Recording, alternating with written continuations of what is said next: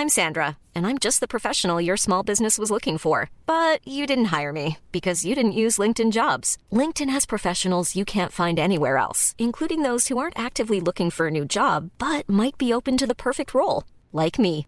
In a given month, over 70% of LinkedIn users don't visit other leading job sites. So if you're not looking on LinkedIn, you'll miss out on great candidates like Sandra. Start hiring professionals like a professional. Post your free job on linkedin.com/people today.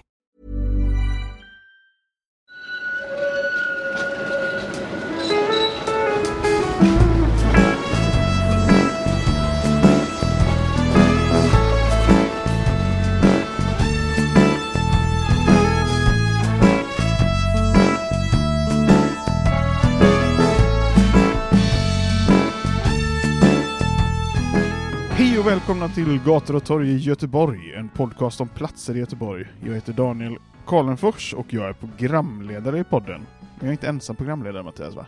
Nej, vi har några, eller någon till som är programledare, men idag så var det du som fick ta och bära det oket, att Just ställa det. frågor till mig. Och där märkte vi att jag som vanligt då har med mig eh, Mattias Axelsson, eh, det eviga inslaget i, i denna podden. Och du är ju Göteborgskännare. Gymnasielärare och du brukar kalla mig för expert. Ja, jag gillar att kalla dig för experten. Mm, jag vet att du gör det. Vi eh, ska säga innan vi drar igång att eh, vill ni stödja podden så gå in på patreon.com gator och torg i Göteborg och skänk en slant. Och idag är vi på en väldigt speciell plats för dig och mig. Vi är lite grann på hemmaplan skulle man kunna säga. Åtminstone verkligen. hemmaplan för dig fortfarande, Fortfarande. till viss del. Ja. Och eh, tidigare hemmaplan för mig. Vi är nämligen på Pennygången. Och den som, eller de som känner oss, alltså som känner oss personligen, vet ju att vi har en gemensam bakgrund här. Mm. Så att vi har vuxit upp här tillsammans, det har vi inte riktigt Och- gjort. Nej. Det var, det var det var här vi träffades i alla fall första gången. Ja, eller ja, det är väl det- är inte långt ifrån att vi har vuxit upp här. Nej. Eh, lite på, beroende på hur man ser på det. Eh, men vi har ju hittat en liten annorlunda plats idag och vi ber i förväg om ursäkt om eh, vi kommer höra en massa vindljud. Men, men varför Ja, är vi, det så här? vi sitter utomhus, vi sitter på en bänk här, försökt söka lite vindskydd denna blåsiga dag. Vi funderade på var vi skulle sitta när vi var här på Pennygången, men insåg att det finns liksom inget bra ställe att naturligt träffas på inomhus här. Det finns ju två mataffärer numera. Det finns Mm. Hemköp uppe vid Fyrktorget och den nybyggda ICA ner mot Sjupunktsgatan. Men Mm. där kan man kanske inte sitta och podda riktigt. Men det finns inga kaféer, det finns inga samlingslokaler, det finns ingen väntkul. Samlingslokal ska vi säga Det det finns det. finns. Och eh, numera så, eh, den pizzerian som fanns här med världens bästa recension, den, den har ju faktiskt blivit borttagen. Vi lägger upp den recensionen på vårt Instagramkonto så får du en anledning att gå in där. Men hur länge har den här platsen hetat Pennygången? Det är från den 9 april 1959. För då Är det så exakt? det är så exakt, det är då Göteborgs stadsfullmäktige beslutar om att den här platsen ska heta Pennygången. Då är den ju inte riktigt byggd än, utan det är ju då 1959 som man beslutar att den här delen av Högsbo höjd ska bebyggas och då beslutar man att just den här gatan, eller vad man nu ska kalla det, är det här verkligen en gata? Funderar jag på, i och med att den heter Pennygången. Och det är ju inte en gata i den bemärkelsen att den går från en punkt till en annan, som många gator gör. Nej, och kommer man inte lite runt det just genom att det heter gången och inte gatan? Jag tror att det är därför man, att den inte heter Pennygatan, för det är en vanlig missförstånd, så folk som inte bor här eller som inte är från Göteborg, att man kallar det för Pennygatan, men det är ju Pennygången. Och det kommer ju sig av att den här delen av Göteborg, när den skulle bebyggas under 50 och 60-talet, så valde man gruppnamnet Mynt. För det är ju ganska Mm. vanligt att man väljer olika gruppnamn. I Frölunda har vi ju eh, radionamnen Marconigatan, Radiotorget, vi har Musikvägen och Fagottgatan och Basungatan. Och här uppe på Högsbo höjd och Högsbo så har vi olika mynt. Vi har Markmyntsgatan, vi har Dollargatan, vi har Guldmyntsgatan och här uppe fick det då bli Pennygången och, Och här, här har Växelmyntsgatan. vi ju det som jag tycker är intressant också, torget här uppe heter ju Fyrktorget. Mm. Och jag visste inte vad en fyrk var först, men det är tydligen någon slags mynt. Ja, det är ett gammalt mynt, fyrk, på samma, som, på samma sätt som penny är ett gammalt myntslag. Det är ju bara gamla, man använder ju banko till exempel och guldmynt och liknande. Men nu har vi daterat det här området till 1959. Vad fanns här uppe på höjden innan det? Ja, så går vi jättelångt tillbaka i tiden, så som du brukar gilla att vi Ja, gör, är nämligen, nämligen till stenåldern faktiskt. Eller egentligen, vi skulle faktiskt kunna gå ännu längre tillbaka, vi skulle kunna gå tillbaka till inlandsisen. Oj! Och när in, eller, ja, inlandsisen, ja det fanns ju inlandsis här någon gång väldigt, väldigt långt tillbaka Ja, i tiden. då bodde kung Boe här. Ja, då borde, ja, det var ju han som bodde där uppe. Men när inlandsisen drar sig tillbaka och den här delen av Skandinavien börjar bli beboelig, då är ju Högsbohöjd i första hand en ö. För då var ju den här delen av Skandinavien, Skandinavium, Skandinavien var Skandinavium en... var ett annat avsnitt. Var ett annat avsnitt, blandar ihop saker och ting. Nej, man kan säga att det var en skärgård på något sätt. För de delarna som är liksom höjder är ju, var ju öar i det här skär, skärgårdslandskapet. Och sen så sjunker ju vattnet mer och mer och eh, någonstans under forntiden så ansluter sig Högsbo höjd till fastlandet och blir en del, alltså en höjd på fastlandet. Men om man tittar i, om man liksom utvidgar området högst på höjd med kanske någon kilometer, så har vi ju lämningar från stenålder och bronsålder och vi vet att det har bott människor i de här delarna av Göteborg liksom långt tillbaka i tiden. Men om vi någonstans ska liksom titta på någon form av modern historia så är ju det här i första hand de norra delarna av Västra Frölunda socken.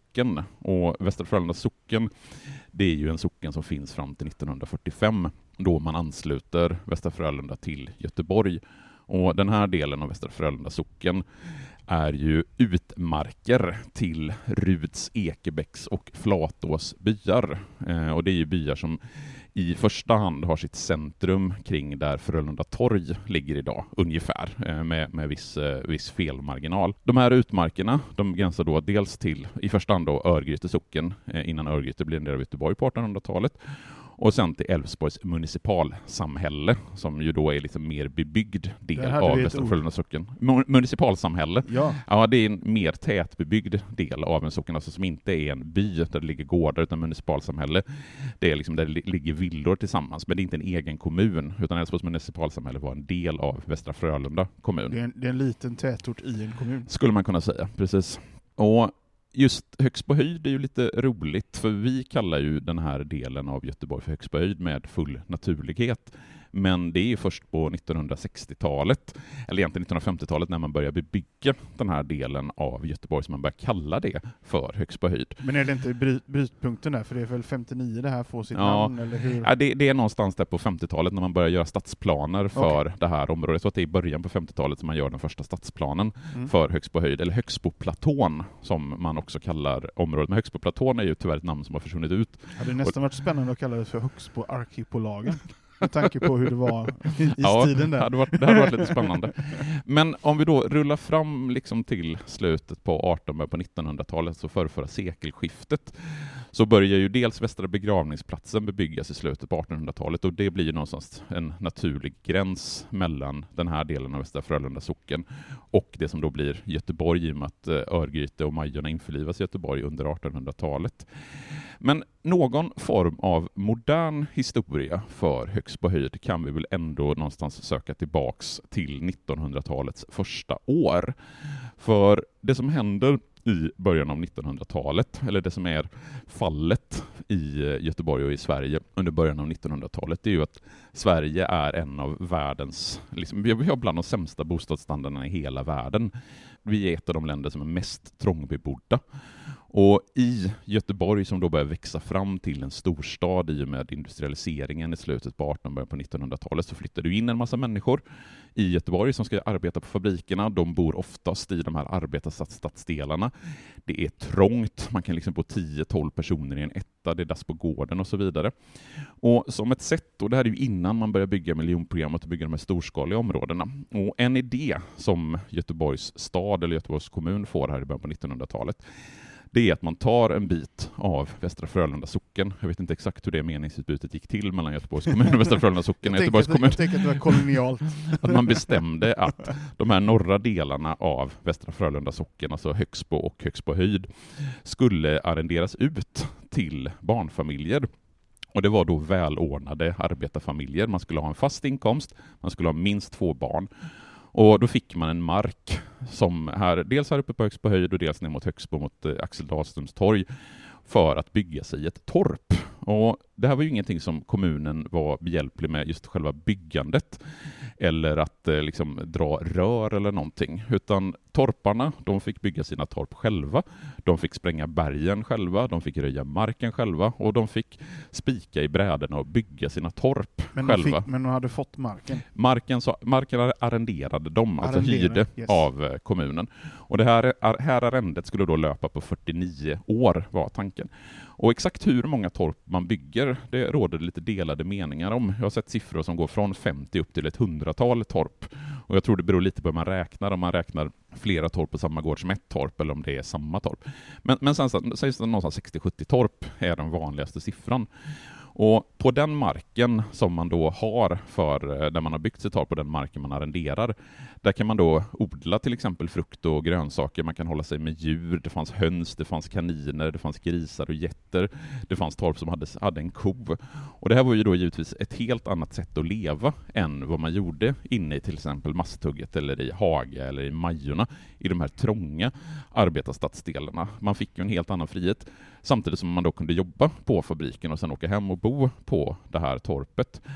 Eh, så alla de här torpen, finns det någonting kvar av dem? Ja, det är faktiskt lite intressant att eh, på Pennygången 49, eller bakom Pennygången 49, tittar man noggrant, eller man behöver inte ens titta så noggrant, för det är ganska tydligt när man cyklar förbi eller går förbi där, att där finns grunden från ett av de torpen som kallades för Högsbotorpen, och det finns också en jordkällare kvar från det Högsbotorpet. Och i övrigt så finns det två stycken helt bevarade torp, men de finns inte här på Pennygången, utan de står nere vid Axel Dahlströms torg. Men Mm. utanför Pennygången 49 så finns alltså en grund till ett gammalt torp som är väl värt att gå förbi och titta på. Och eftersom jag vet nu att folk kommer flocka hit så finns det ju en annan grund som finns på den här parken mitt emellan. Vad är det för något? Ja, det är inte en så gammal grund, utan den hänger ihop med byggandet av Växelmyntsgatan, för hela det området mellan Pennygången och Växelmyntsgatan var ju dels oerhört många affärer under 1960-talet, alltså hela den gatan från Fyrktorget bort mot eh, Västerhetsskolan. Det fanns ju dels tre stycken mataffärer, det fanns två ICA-butiker, en i varje ände, det fanns en Konsumbutik i mitten, det fanns frisör, det fanns fruktaffärer, det fanns skomakare, det finns fiskaffärer och området nedanför kallades då för Konsumplan, eftersom den låg närmast eh, Konsum. Ja. Och där fanns det då fotbollsplaner, det fanns lekplatser och den grunden som ligger mitt emot eh, Torpagrunden på, från, eh, på Människan 49, det är alltså en gammal lekplatsgrund. Och idag, Så kallas den för bajplan. ja precis, men det jag också tänkte på då som är väldigt intressant, idag har vi alltså ingenstans ens att sitta. Och förut, för inte allt för länge sedan, så fanns det hur mycket grejer som Ja, det var ju liksom uppe. en 15-20 affärer som låg längs med den gatan. Det, Ja. Jag hade nästan svårt att liksom, ta in när jag läste, det kom, har kommit ut en alldeles ny bok om Affärsgatan på Växelmyntsgatan, hur oerhört många affärer det var som låg där uppe. Mm. Och varför har de försvunnit? Och det hänger ju ihop med någonting som vi har gjort avsnitt om tidigare, nämligen de stora affärscentrum som växer upp under slutet på 60-70-talet. Det är till exempel Frölunda torg, torg, att det är dit folk åker för att handla, och sen även Axel Dahlströms torg. Eh, även om det fanns redan när Pennygången och Växelmyntsgatan byggdes, så har det liksom sugit till sig eh, konsumenter, vilket gör att istället för att handla här uppe så åker man till de här externa köpladorna och handlar. When you're ready to pop the question, the last thing you want to do is second guess the ring. At Bluenile.com, you can design a one of a kind ring with the ease and convenience of shopping online. Choose your diamond and setting. When you find the one, you'll get it delivered right to your door. Go to Bluenile.com and use promo code LISTEN to get $50 off your purchase of $500 or more. That's code LISTEN at Bluenile.com for $50 off your purchase. Bluenile.com code LISTEN. Burrow is a furniture company known for timeless design and thoughtful construction and free shipping, and that extends to their outdoor collection. Their outdoor furniture is built to withstand the elements, featuring rust-proof stainless steel hardware, weather-ready teak, and quick-dry foam cushions.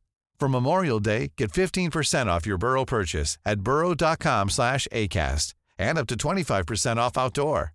That's up to 25% off outdoor furniture at burrow.com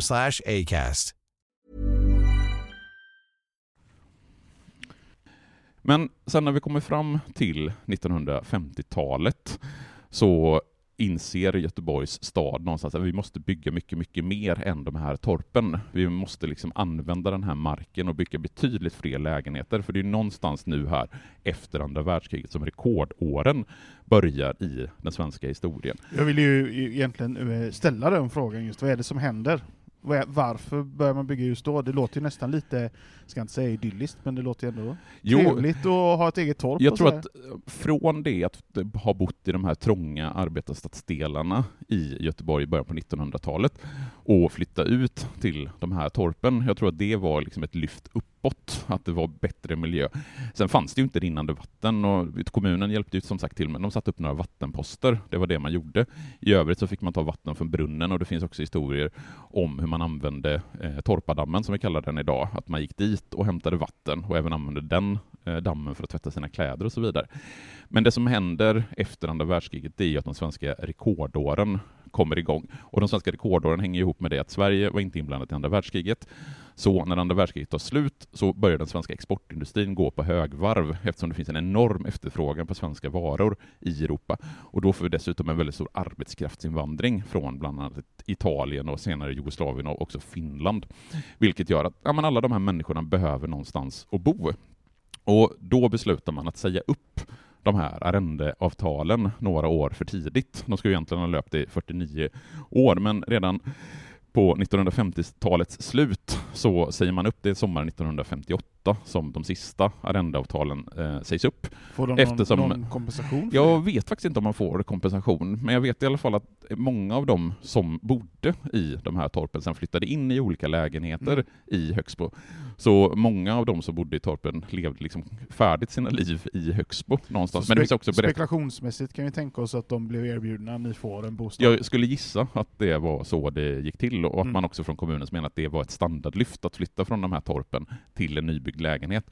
Och jag vet att när jag och Johanna pratade om Axel Dahlströms torg så refererade jag till en dokumentärfilm om just Axel Dahlströms torg som fick namnet Det var som att komma till himlen. Mm efter ett, en utsaga från en av de som flyttade in i lägenheterna. Mm. Att man, ja, men det, var som att komma in, det var som att komma till himlen, att flytta in i den här nybyggda. Det var liksom gott ljusensläpp, det var liksom toalett, det var rinnande vatten, det var dusch, det var el, allt, alla de grejerna. Man glömmer ofta bort det, hur, vilket enormt standardlyft det var med miljonprogrammet som kommer mm. några år senare, men detta är ju en precursor kan man säga. Men eh, vi går vidare. Mm. Vad är det egentligen som händer här på Högsbohöjd?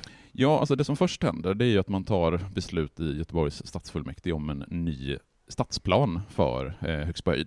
Det vill säga man bestämmer vad ska byggas här. Och man kan ju egentligen dela in Högsbohöjd i fyra ganska tydliga skilda områden. Dels har vi då Pennygången, som dagens avsnitt framförallt handlar om.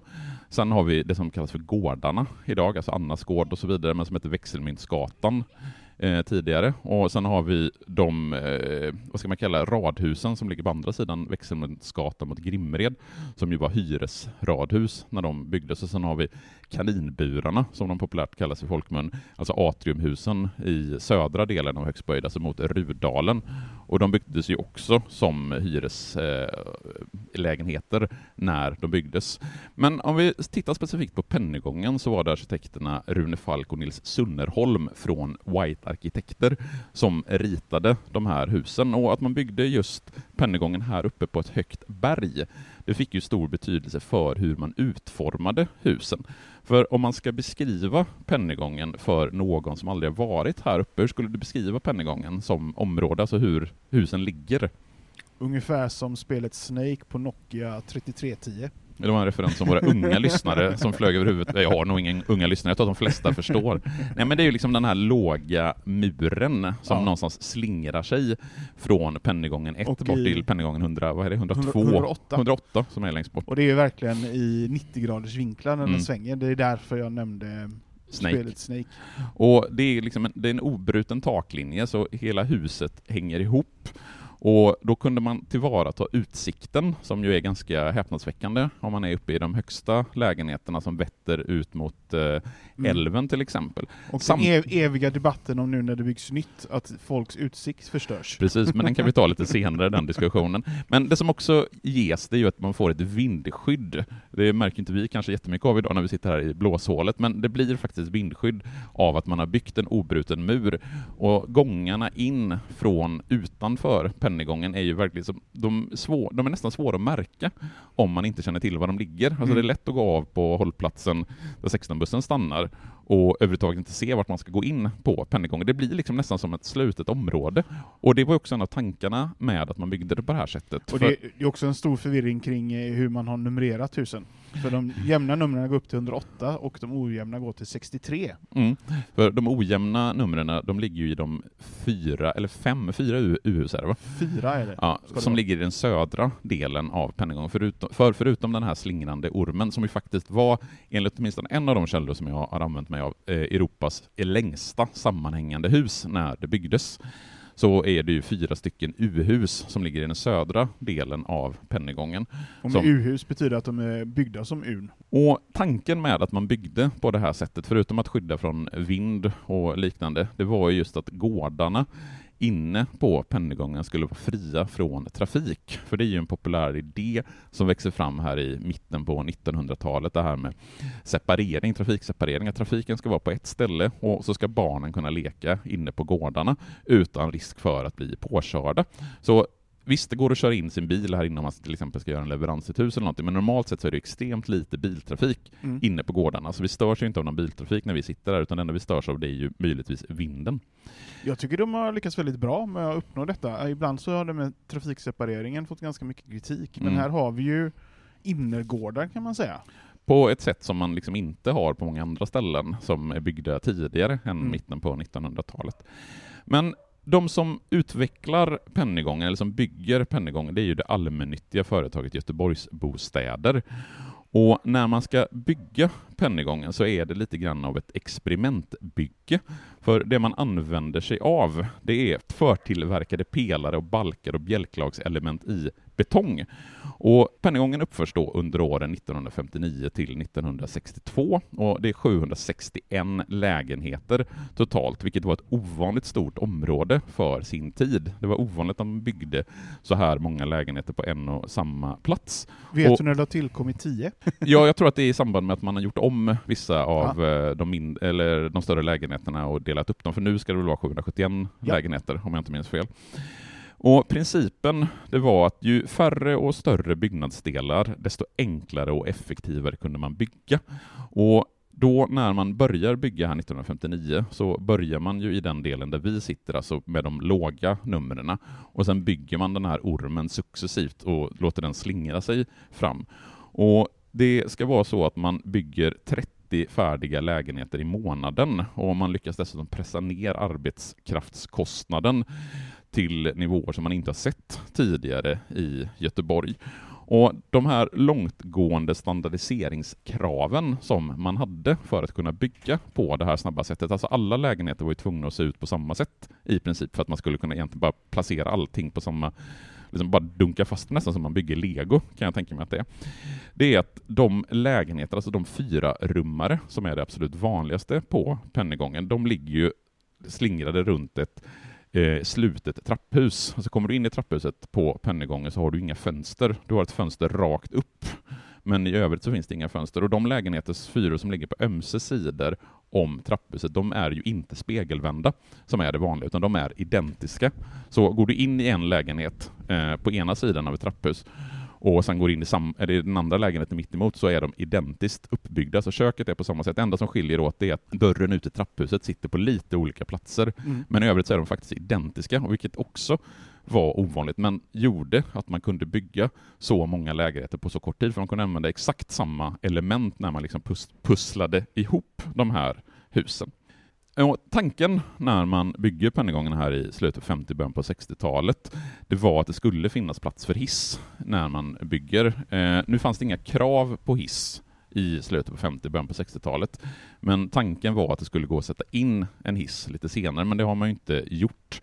Man rationaliserar också bort balkonger eftersom man tyckte att det skulle ta för lång tid och var för krångligt att sätta på balkonger.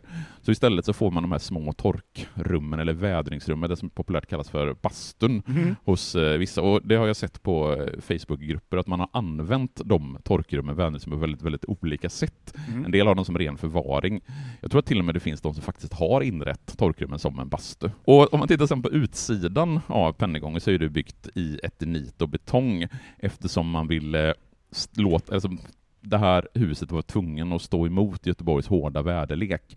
Så då var det liksom, tänkte man åtminstone här i slutet på 50 början på 60-talet, att man skulle bygga det i liksom kraftigast tillgängliga material och då var det betong och eternit som man byggde med. Man bygger inga ornament på utsidan utan det är väldigt rakt hela vägen, både på insidan och på utsidan. Och den ursprungliga planen det var att han bara skulle bygga fyra rummare och det var det som Göteborgsbostäder ville. Men Stadsbyggnadskontoret de ställde krav på att gårdshörnen skulle vara slutna, så att det inte skulle vara några öppningar. Och Det gjorde att man eh, var tvungen att bygga också några treor, tvåor och ettor, och det är ju framförallt i hörnrummen eller hörntrappuppgångarna som de ligger. Det finns två stycken provhus, ett i Kortedala som byggs 1956 och ett i Biskopsgården som byggs 1957, där man har provat den här elementbyggnadstekniken tidigare. Där byggde man med stålbalkar och stel, stålpelare. Men när Pennygången skulle byggas så var det svårt att få tag på svetskunniga byggnadsarbetare när man skulle serietillverka de här husen. Så då går man över till betongpelare och betongelement istället för betongbalkar. Så när husen då står klara 1962 så börjar människor att flytta in på Pennygången och då är den tekniska, eller den förväntade tekniska livslängden på husen inte mer än 20 år. Så man tänker sig att de här husen kommer att stå ungefär någonstans till 1980-talet vilket ju visar sig att de har ju stått betydligt längre eftersom mm. de fortfarande står här idag och det finns ju inga planer på att de här husen kommer att rivas. Eh, och nu har vi ju kommit in på 80-talet. Husen har stått i 20 år, den tekniska livslängden är uppnådd. Vad är det man tänker sig ska hända då? Ja, alltså det man tänker sig ska hända här under 80-talet, det är att man tänker att det ska renoveras. Men då är det ju inte Göteborgsbostäder längre, utan dels så har ju Göteborgsbostäder gått upp i något som kallas för Göteborgshem. Jag tror att det är Göteborgshem som blir Poseidon Korrekt. idag. Så det är Poseidon som äger de husen som ligger på Växelmyntsgatan. Mm. För från någonstans på, vad kan det vara, eh, slutet på 60-talet så äger Göteborgshem både Pennygången och husen uppe på Växelmyntsgatan. Men då köper Skanska ett större bestånd av Göteborgshems bostäder och då ingår Pennygången i det här beståndet. Och Skanska har en idé under 1980-talet att man ska genomföra en omfattande ombyggnation och renovering av husen på Pennygång. Man ska bland annat installera hissar och man ska i princip blåsa ut lägenheterna och göra en omfattande totalrenovering. Och lägga på balkonger? Ja, det fanns också Man tänkte också att man skulle bygga på en våning på huset för att på så sätt få till en finansiering mm. av det, den här ombyggnationen. Man tänkte också att man skulle dra nytta av de gynnsamma ombyggnadslån som fanns i slutet på 1980-talet och Skanska påbörjar ju och genomför en ombyggnation av ett trapphus på Pennygången, vilket är lite roligt. För det är Pennygången 36, alltså bara ett eh, stenkast ifrån där vi sitter just nu. Mm.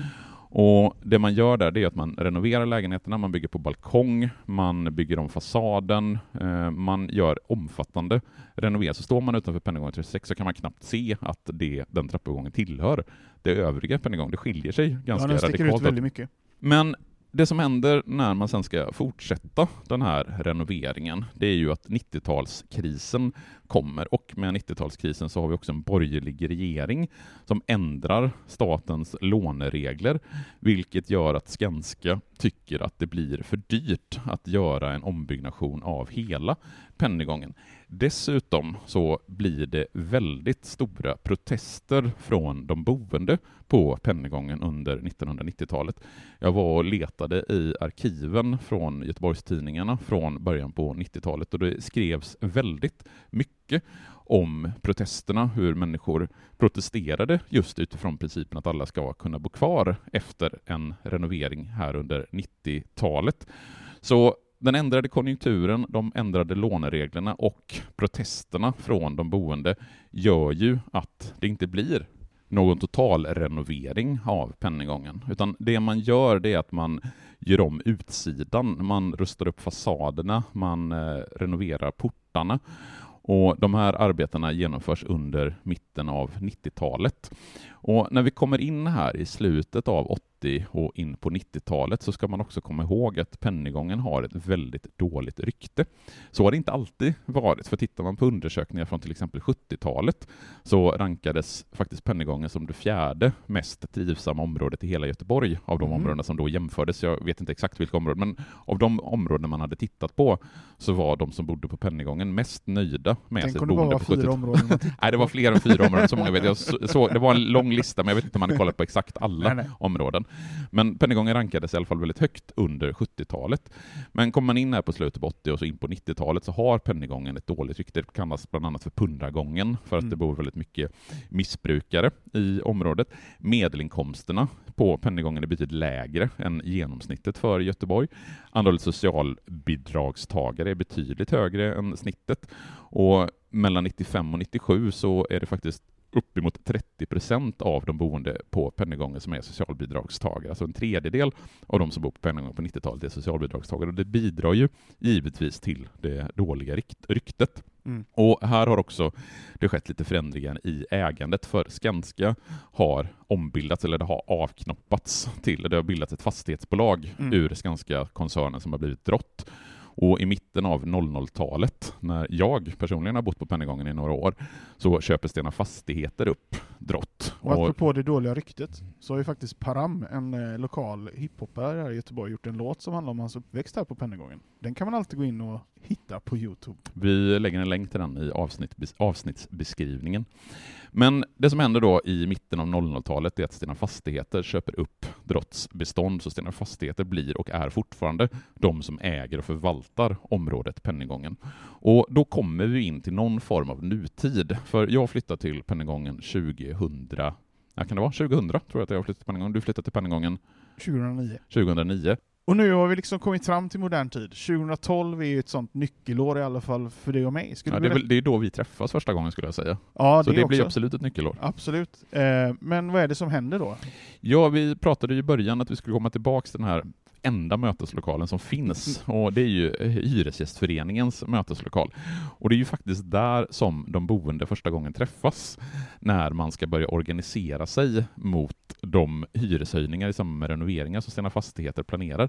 För det som händer 2012 det är att Stena Fastigheter går ut med en broschyr som har den titeln den, Det nya Pennygången. Mm. Och i den broschyren så finns det jätteflashiga bilder om hur den nya Pennygången ska se ut. Det ska vara bal- balkonger, det ska vara totalrenoverat, man ska liksom blåsa ut i princip den gamla lägenheten och bygga en helt ny lägenhet skulle man Mm. kunna säga.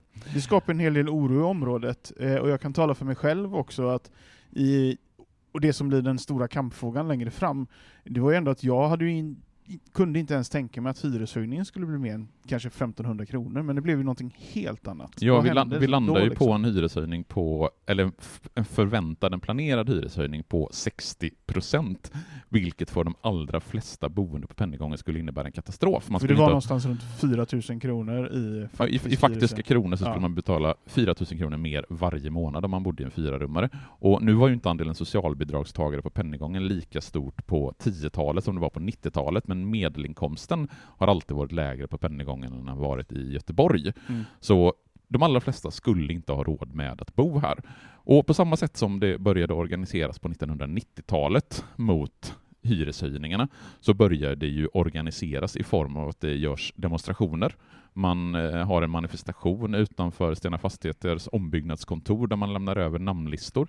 Vi Du- gjorde en egen enkät Där eh, vi kom fram till att 80%, 80 inte skulle ha råd att bo kvar. och den eh, bekräftades i en annan enkät efteråt. Vi men- gjorde första maj-demonstration. Vi startade en podd. Vi startade, ja just det, det kanske vi ska nämna. Du och jag startade Pennypodden, vilket Ja. innebär att eh, det är väl någonstans startskottet för det som sen blir vår poddverksamhet och som ligger grunden till gator och torg i Göteborg. Ja, eh, det som också kan sägas är att är man nyfiken på kampen på pennygången så kan man ju, de, i alla fall de första avsnitten handlar ju väldigt mycket om, om pennygången, så att säga. Det var ju det som var idén med Pennypodden från början.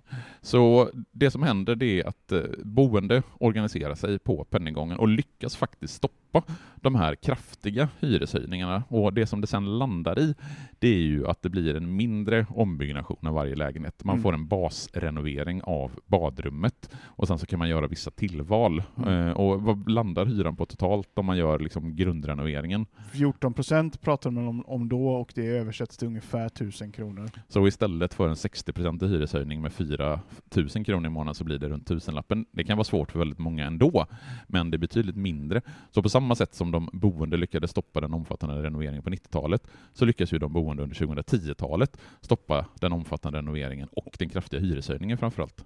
Och nog nästan det viktigaste som vi lyckades med var att drygt 160 hushåll fick förstahandskontrakt. De hade haft så kallade rivningskontrakt tidigare. Mm. Men nu när vi står här 2021-2022 så är ju renoveringen nästan helt genomförd. Mm. Du sa att det är några trappuppgångar kvar, kvar. Men det betyder ju inte att det är slut på Pennygångens och Högst på höjds historia. För det sker ju kraftiga omvandlingar av mm. området just nu när vi sitter här. För går vi bara ett par hundra meter ner för backen till eh, området vid Sjupundsgatans hållplats. Helt enkelt ett väldigt långt spjutkast härifrån. Ja, det är, du vill inte använda ordet stenkast hör jag. Men eh, om vi kommer ner dit så kan vi ju redan nu se att det har byggts en fastighet där ICA bland annat har flyttat in. Mm. Eh, ett gym har flyttat in, det ligger längs med Högsboleden. Jag mm. tror att det är ett ålderdomshem som ska ligga där ja. i eh, slutändan. Och sen så byggs det ju fler höghus på det som tidigare var parkering för de boende höghus på Perrongång. Höghus kan man kanske kalla dem. Ja, de, de är ganska höga hus ändå, förhållandevis. Det ska också sägas att det är 500 lägenheter, varav hälften är bostadsrätter och hälften är hyresrätter. Och det är Stena Fastigheter som bygger de här husen och de här lägenheterna i en del av den här stora satsningen på fler lägenheter som Göteborgs stad har genomfört i samband med 400-årsjubileet. Yes. Och Det som är lite roligt och som någonstans knyter ihop historien och som rundar av det här avsnittet, det är ju att man kallar det här nya området för inte högst på höjd, som Nej. det kallades från 60-talet, utan för Ekebäcks höjd. Mm. Och det kan man ju ha många åsikter om, och jag vet att du har en del åsikter om det. Jag har en stark åsikt och menar ju att man skulle behållit de här penganamnen. Så mitt förslag till Stena var ju Dollargrins gränd. Men det... det var ingen som plockade upp det förslaget tyvärr. Men det är ju lite roligt just Ekebäcks höjd, att man väljer att använda det namnet för att på någonstans markera avstånd från det gamla högst på höjd, som ändå hade ganska dåligt rykte. Mm. Och det finns ju, vad man än må tycka om namnet Ekebäcks höjd, så finns det ju en historisk koppling oh, till att e ja, Ekebäck är ju den gamla byn, eller den gamla gården som, eh, eller gårdarna i Ekebäcksby, som ju förvisso låg vid Frölunda torg, där låg Ekebäcksby, men det här området var ju utmarker till Ekebäcksby, och området nedanför, eller om man går upp för den här lilla kullen och bort mot villorna i Grimmed så kallas ju det området, har kallats för Ekebäck och Ekebäcks höjd. Så eh, det finns ändå en historisk koppling, så det är inte helt fel av Stena Fastigheter att kalla området för Ekebäcks höjd, även om jag tycker att det varit snyggare att mm. fortsätta kalla det för Högst på höjd, som Ska blev också ut på 60-talet. adresserna dit inte är Ekebäcks höjd, utan det är någonting annat. Men inte Dollargrinsgränd. Tyvärr. Det hade ju varit fantastiskt om de tyckte att det var roligt. Finns det så mycket mer att säga om Pennygången nu? Eller ja, det finns ju, finns ju jättemycket mer att säga, men jag tycker att vi har nått gott och väl den tiden vi har för avsnittet, så det är väl dags att säga Hej då alla! Eh, på återseende om två veckor. För alla er som tycker att reklam är det hemskaste som finns så kan man ju alltid eh, stötta oss på Patreon och det gör man enklast genom att gå in på patreon.com snedstreck eh, gator och torg i Göteborg och bli där månadsgivare. Sen kan jag också tipsa yes. om ett Instagram-konto som heter Gator och torg i Göteborg, där vi lägger upp bilder, framförallt gamla bilder, på de områden och de platser som vi pratar om. Du hade väl också hittat massa roliga arkivgrejer på Pennygången och Det, det kommer kom bli mycket roliga eh, bilder på Instagram-kontot efter det här avsnittet. Men, eh, ja, på återseende. Två veckor. Igen. Hej!